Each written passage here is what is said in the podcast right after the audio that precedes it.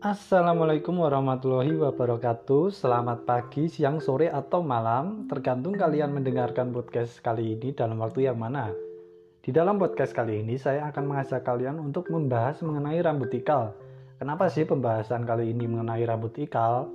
Mungkin dari kalian masih banyak yang belum tahu dan menganggap bahwa rambut ikal itu adalah jenis rambut yang sangat keriting. Padahal rambut ikal pun memiliki berbagai jenis dan tipe loh. Yuk kenali berbagai jenis rambut ikal dilihat dari tingkat kekeritingan atau keikalannya. Kira-kira rambutmu masuk tipe yang mana nih? Untuk tipe yang pertama yaitu rambut ikal tipe 1 straight hair. Berdasarkan tingkat keikalannya, rambut lurus atau straight hair dapat dikategorikan sebagai rambut ikal tipe pertama. Jenis rambut tipe ini memiliki kelurusan dari pangkal hingga ujung rambut dan hampir tidak memiliki tingkat kelengkungan sama sekali. Meskipun terlihat monoton, jenis rambut ini paling banyak diminati oleh sebagian orang, terutama kaum hawa, karena lebih mudah untuk diatur dan terlihat rapi. Tak heran jika banyak orang rela menghabiskan banyak uang untuk membuat rambutnya menjadi lebih lurus. Untuk model rambut ikal yang kedua yaitu wavy hair. Model rambut ikal tipe ini adalah bisa kita sebut sebagai rambut bergelombang atau wavy. Tipe di tipe ini itu memiliki jenis percampuran antara rambut lurus dan keriting. Biasanya, bagian pangkal hingga sebagian rambut berjenis lurus, sisanya merupakan rambut keriting.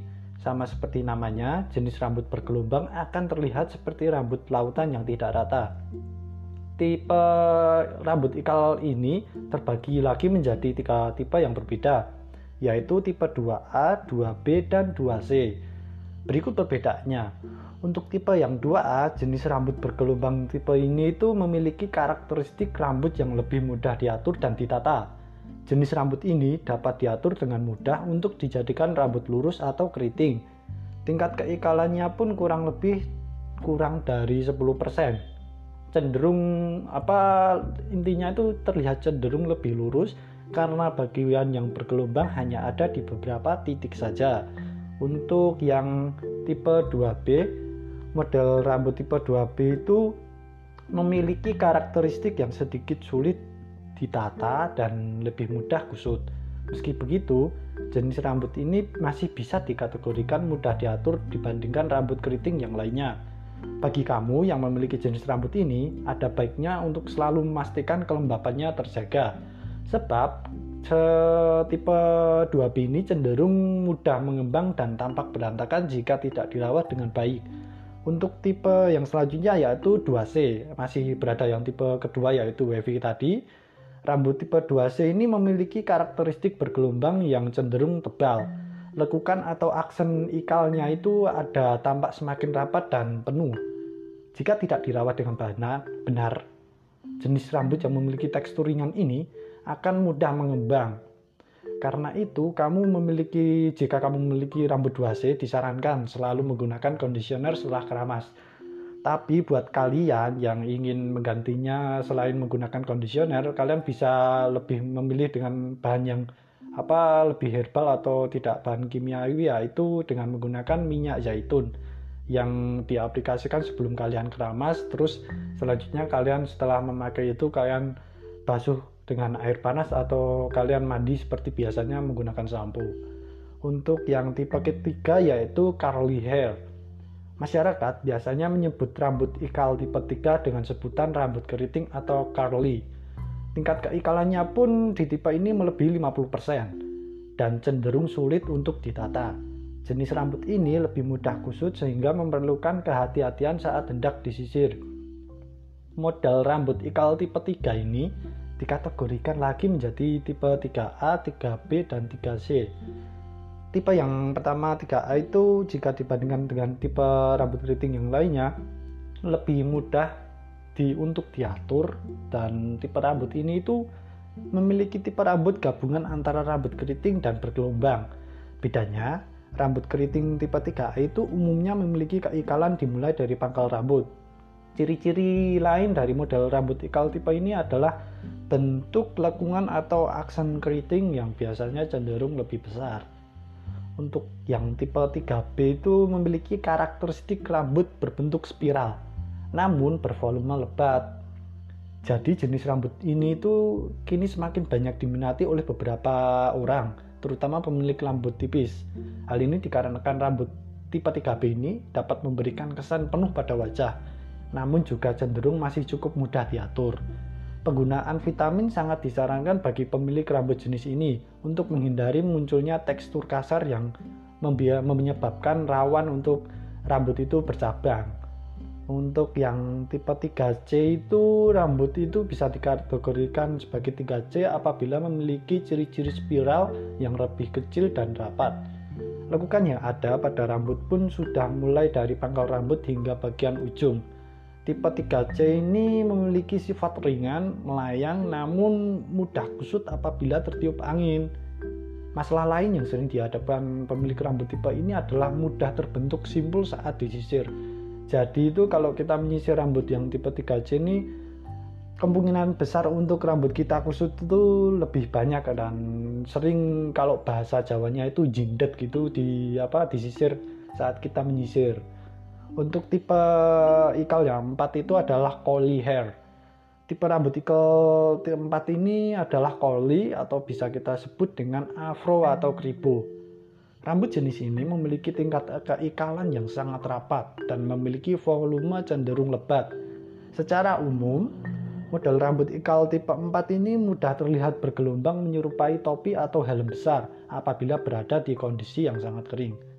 Sama seperti tipe sebelumnya, Rambut ikal tipe 4 ini juga terbagi menjadi tiga kategori, 4A, 4B, dan 4C.